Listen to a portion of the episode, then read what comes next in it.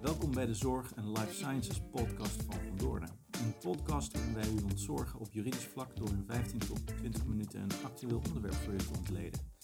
Speciaal voor mensen werkzaam in zorg en life sciences om te beluisteren in de file, op de fiets of tijdens het hardlopen. Aan het einde van de podcast hebt u een goed klok-klepelgevoel waar de aandachtspunten zitten. Mijn naam is Kees-Jan de Boer, advocaat marktregulering en mededinging bij Van Doorne. En vandaag aflevering 3. De wet normering topinkomens, de WNT. En bij mij in de studio is aangeschoven mijn collega uit het Zorg en Life Sciences team, Corine Vernooy. Corine, welkom. Dank je. Corine, ehm, de WNT is bij ons in de signalering en de nieuwsberichten die wij uh, op LinkedIn en in onze nieuwsbrieven hebben, uh, ik kan gerust zeggen, een knaller. En dat komt onder andere omdat er heel veel nou ja, verandert, wijzigt van jaar op jaar. Dus vandaag de onderwerpen 2020. Ja. Waar moeten we op letten? Ja, er zijn uh, voor 2020 drie onderwerpen die we veel uh, zullen zien komen. Allereerst zijn onlangs de nieuwe bezoldigingsmaxima gepubliceerd. Het algemene maximum is vastgesteld op 201.000 euro voor 2020. En dat komt ongeveer neer op een stijging van 3,2% ten opzichte van het bezoldigingsmaximum in 2019. Ja, en dit is een ministersalaris. Dan weten we dat ook meteen, ja, toch? Zeker, dat is, een, is een ministersalaris. En dit maximum van 201.000 euro is het algemene maximum dat geldt voor de topfunctionaris. En voor de voorzitter van uh, de Raad van Toezicht geldt een maximum van 15% van dat bedrag. En voor een lid van de Raad van Toezicht geldt een maximum van 10%.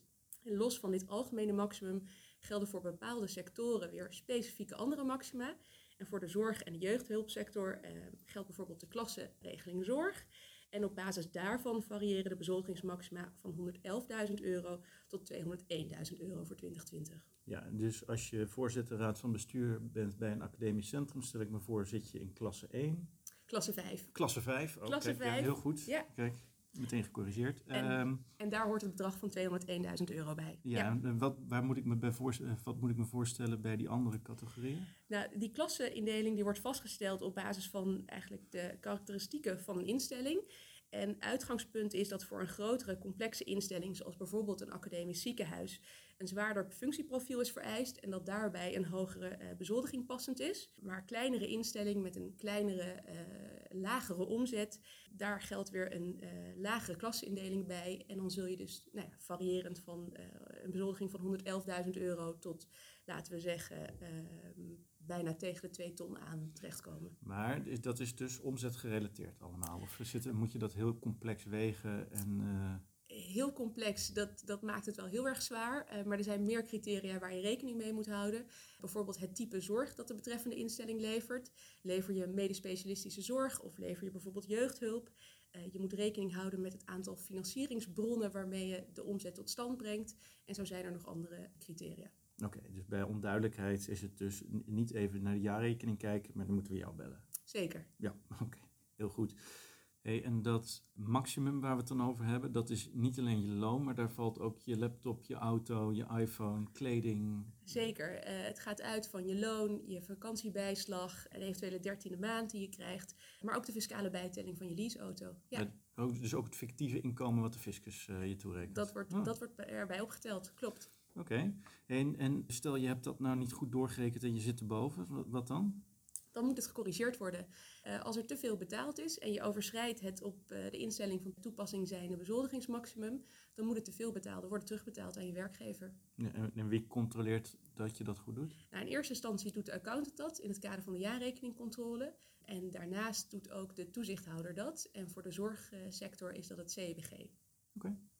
Nou, dus uh, opletten.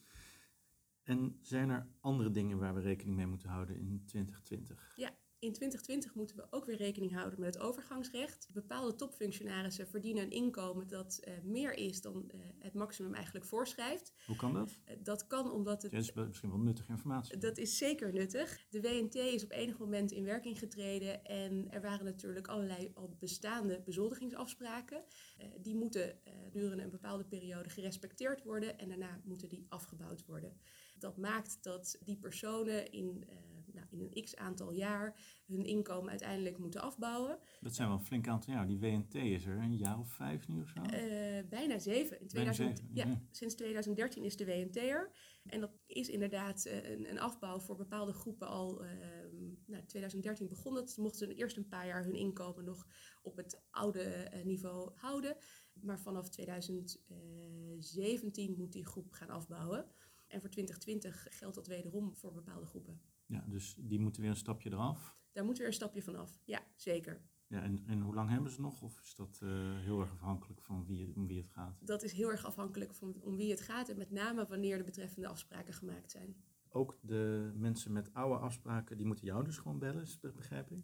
het wordt bijna een promopraatje, maar... Uh... Ja, het is natuurlijk ook, dat is het ook wel natuurlijk. Daarvoor is deze podcast natuurlijk ook wel een beetje. Ja, nou ja, het overgangsrecht is vrij ingewikkeld en het is van belang om, dat, uh, om gewoon aan het begin van het jaar goed te kijken uh, hoe het overgangsrecht er voor je uitziet. En uh, met name ook hoe de salarisadministratie daarop moet worden ingericht, zodat je voorkomt aan het eind van het jaar of mogelijk zelfs volgend jaar dat er nog een bedrag moet worden terugbetaald. Ja, precies. En de mensen die waarschijnlijk in het overgangsrecht zitten, die weten al wel een tijdje dat dit eraan zit te komen. Ja. Dus het, het, zijn eerder de nieuwe bedragen waar je op moet letten dan, dan dit waarschijnlijk. Zeker, ja. ja. Hey Corine, um, andere dingen op het gebied van de WNT in 2020 waar uh, onze luisteraars uh, van moeten weten? Ja, niet zozeer 2020, eerder 2021. Maar dit heeft wel de afgelopen tijd al de nodige aandacht gehad. En dat is het wetsvoorstel tegengaan, ontwijking en versterking toepassing in de zorgsector. Ja, dus specifiek iets voor de zorg. Um, WNT, als ik het goed heb, is breder van toepassing, toch? Ja, dat klopt. De WNT is ook van toepassing op bijvoorbeeld onderwijsinstellingen of woningcorporaties, de publieke sector en bepaalde uh, instellingen die subsidies ontvangen. Ja, maar eh, en, en nou willen we het in de zorg een tikkie anders. Waarom, waarom nou specifiek de zorg? Ja, ehm, er is gemerkt dat in de zorg met verschillende structuren wordt gewerkt, waardoor de WNT niet altijd, althans dat zegt de wetgever, goed toepasbaar is. Um, en dat is bijvoorbeeld het geval bij onderaannemers in de zorg. De WNT is van toepassing op instellingen met een WTZI-toelating. Ja, de wet toelating uh, zorginstellingen, WTZI. Ja. Klopt. En wat er gebeurt in de zorgsector is dat WTZI-toegelaten instellingen de zorg soms feitelijk laten verlenen door een uh, onderaannemer. Die onderaannemer die valt niet onder de rijkwijde van de WNT. En de wetgever vindt het onwenselijk dat de bestuurders van zo'n onderaannemer dus niet aan het bezoldigingsmaximum gebonden zijn. Ja, dus eigenlijk waar het werk gedaan wordt, moet ook de WNT van toepassing zijn. Ja, dat is wel wat er wordt beoogd. Ja, dat vind ik op zich nog niet eens zo'n hele gekke gedachte. Nee, maar wat daar dan wel weer uh, interessant aan is, en dat is in ieder geval goed nieuws, is dat de wetgever wel heeft gezien dat er ook veel wordt gewerkt met medespecialistische bedrijven. En de wetgever uh, heeft juist die categorie weer uitgesloten van deze uh, nieuwe beoogde wijziging. Ja, dus dat zijn de MSB's van vrijgevestigde medisch specialisten. Klopt, ja. Die, zullen, die vallen nu al niet onder de rijkwijde van de WNT, maar die zullen ook in de toekomst daar niet onder vallen. Oké, dus de onderaannemer er straks onder. Uh, weten ze het I toegelaten, zeg je, valt er nu al onder. We hebben nogal wat weten ze het I toelatingen. Klopt. Uh, de wet toelating zorginstellingen die kent twee typen toelatingen. Je hebt de toelating op aanvraag. Dat is bijvoorbeeld uh, nodig voor het uh, leveren van medespecialistische zorg. Maar je hebt ook de toelating van rechtswegen. En die geldt bijvoorbeeld voor huisartsenzorg. Ja, dus de eerste de, vraag je hem aan bij het CBG, de, van de VWS eigenlijk en de andere is gewoon het, het, enkele feit dat je aan de slag gaat met huisartsenzorg en daarvoor een declaratie stuurt naar de zorgverzekeraar, dan val je ongemerkt onder de WTZI. Klopt. En veel instellingen die beseffen dat dus ook niet, maar die beseffen ook het gevolg daarvan niet, namelijk dat je ook rechtstreeks onder de rijkwijde van de WNT valt. Ja, maar dus een, een groepsmaatschap van huisartsen valt onder de WNT. Nou, die groepsmaatschap van huisartsen die valt als instelling rechtstreeks onder de rijkwijde van de WNT. En dat maakt dat de topfunctionaris van zo'n instelling, en laten we dat maar even kort samenvatten tot de bestuurder, dat zijn bezoldiging dus genormeerd wordt door de WNT. Ja, dus, en dat geldt dan in bredere zin. Dus de, de, professional zelf niet. Nee, medespecialisten zijn uitgesloten van de WNT. Ja, maar een, een, een professioneel bestuurder op, je, op een gezondheidscentrum, ja. die, die zou eronder vallen. Zeker, die kwalificeert als topfunctionaris en zijn bezoldiging wordt dan genormeerd. Uh, we, hebben, het nu over huisartsen, maar dat zou dan breder gelden. De, de, openbare apothekers, trombosezorg. Ja, farmaceutische zorg, instellingen voor hulpmiddelen, het bredere kader, klopt. Allemaal onder de WNT? Ja. Oké, okay. heb ik vandaag weer wat geleerd. Nou, dat is in ieder geval hm. goed nieuws. ja, zo ook het zeggen.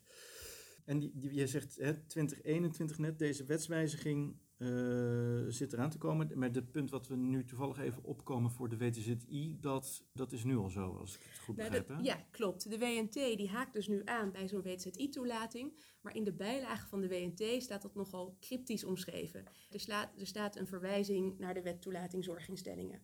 Nou, doordat dat daar uh, dus zo cryptisch staat, denkt de wetgever dat als zij letterlijk gaat benoemen op welke instellingen uh, de WNT van toepassing is, dat die onduidelijkheid mogelijk verdwijnt.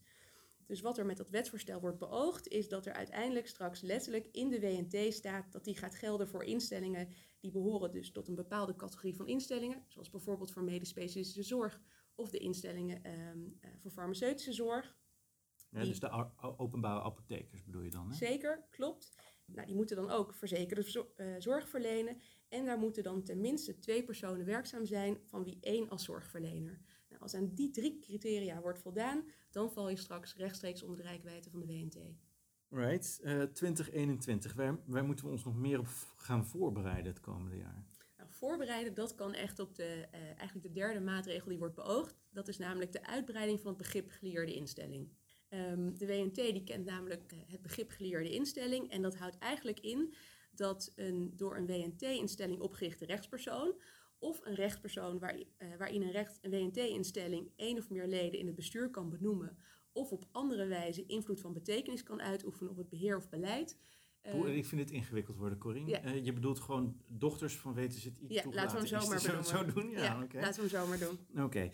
um, maar dus op die dochters is de WNT gewoon van toepassing?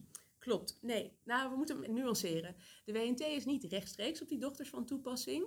Maar op het moment dat een bestuurder zowel bestuurder is van een WTZI-instelling als bestuurder is van zo'n dochter, dan betekent het dat hij maar één keer het bezoldigingsmaximum mag verdienen. Ja, uh, en dus uh, even meteen nadenkend, als je in die dochter een aparte bestuurder hebt die niks met die WTZI-toegelaten instelling te maken heeft, dan valt die niet onder de WNT. Dat klopt. Ja, oké. En, en wat gaat er dan veranderen in 2021? Nou, op dit moment heeft dus de, uh, het begrip geleerde instelling alleen maar werking naar beneden, naar dochterinstellingen. Maar de wetgever die wil straks dat dat begrip ook werking naar bo boven heeft. Dus dat betekent dat ook een moeder van een WZI-instelling kan kwalificeren als een geleerde instelling. Ja, dus hetzelfde voorbeeld weer. Je hebt op, de, op het niveau van de moeder en uh, haar dochter aparte bestuurders. Dan valt uh, alleen op het niveau van de dochter die persoon onder de WNT. Ja, juist. Ja, terwijl als je op beide plekken bestuurt, dan weer wel. Klopt. Ja, en, en, dat, en dat is nu niet zo. Die, die bestuurder van de holding, uh, die, kan daar, die heeft nu nog een eigenstandige positie. Ja. Helder. En, en dus dat betekent vooral dat je even met, weer met een stofkam door je groepstructuur heen moet het komende jaar. Ja, het is van belang om, om daar al goed naar te kijken. Wie zit er op welke positie? Verricht iemand uh, meerdere werkzaamheden voor verschillende entiteiten? En breng dat alvast in kaart. Ja, oké. Okay. Nou, goede praktische tip. Hey, en uh, Corine, als ik daar nou over nadenk, wat je, wat je dan zegt hè, over uh, moeders en dochters. Stel nou dat je in die dochter of die moeder ook gewoon niet verzekerde zorg of, of een, een, kapsalon uh, hebt, wat helemaal niks met zorg te maken heeft. Val je dan wel helemaal onder de WNT daar?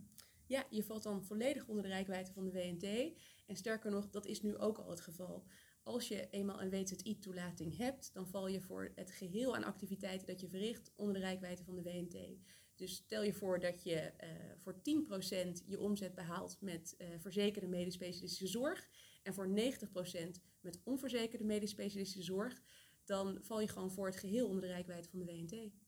Ja, maar hè, dat vind ik misschien voor een WZI-toegelaten instelling nog niet eens zo'n gekke gedachte, omdat je daar toch probeert ook transparantie rond geldstromen en toezicht te creëren. Maar je zet dat dan in een, je, je niet verzekerde zorg in een aparte dochter-BV hè, of, of, of, een moeder-BV, dat kan natuurlijk ook. Dan is het eigenlijk toch raar dat als je dat juist zo mooi gescheiden hebt, dat je toch voor het geheel als een soort publieke functionaris wordt uh, bezoldigd. Zeker. En uh, er is al eerder geprobeerd om dat begrip geleerde instelling uit te breiden. En dit is ook juist de kritiek die in dat kader is geuit. Ja, en die, en die kritiek, die, die vinden wij eigenlijk, als ik kijk hoe dit gesprek daar logisch op uitkomt, misschien ook wel logisch. Hè? En dus ik kan me ook voorstellen dat onderaannemers die uh, voor een klein deel uh, verzekerde zorg uh, ondersteunen of, of meehelpen, misschien wel zeggen van nou ja, dan hou ik hem op, dit wordt me te ingewikkeld. Ja, nou het is wel van belang om te nuanceren het dat eh, als je dus onder de rijkwijde van de WNT valt, dan betekent dat dat de bezoldiging van de bestuurder dus genormeerd is. Dus voor de instelling aan zich is het de vraag of dat element doorslag geeft om, uh, om zo'n grote strategische beslissing te nemen. Maar de kritiek is zeker terecht en die is ook eerder al geuit. Hè. De vrees dat de WNT ook van toepassing wordt op, uh, op ondernemingen die niet tot de publieke of semi-publieke sector behoren. Ja. Oké, nou, dus het wordt een spannend jaar, 2020 moet ik zeggen. 2020 belooft veel. Ja, en uh, misschien durven we wel de stelling wel aan dat per 1 januari 2021 dit wetsvoorstel erdoor ambitieus is gelet op al die kritiek? Dat durven we zeker te stellen. Ja, dan uh, vind ik dat ook een, een mooie take-home message, denk ik. Uh, 2020 alert blijven, maar het zou maar eens zo kunnen zijn dat het allemaal zo vaart niet gaat lopen. Desalniettemin een hoop te doen met de WNT. Dank je wel voor je input, Corine. Graag gedaan. En iedereen bedankt voor het luisteren natuurlijk. Wij zijn er binnenkort weer met een nieuwe podcast. En zoals altijd geldt, wie graag een specialist van kantoor hier aan tafel wil hebben en eens wil horen over, over een bepaald onderwerp, mail, app, LinkedIn, Twitter, etc. ons. En dan zullen we kijken wat er mogelijk is. Tot de volgende keer.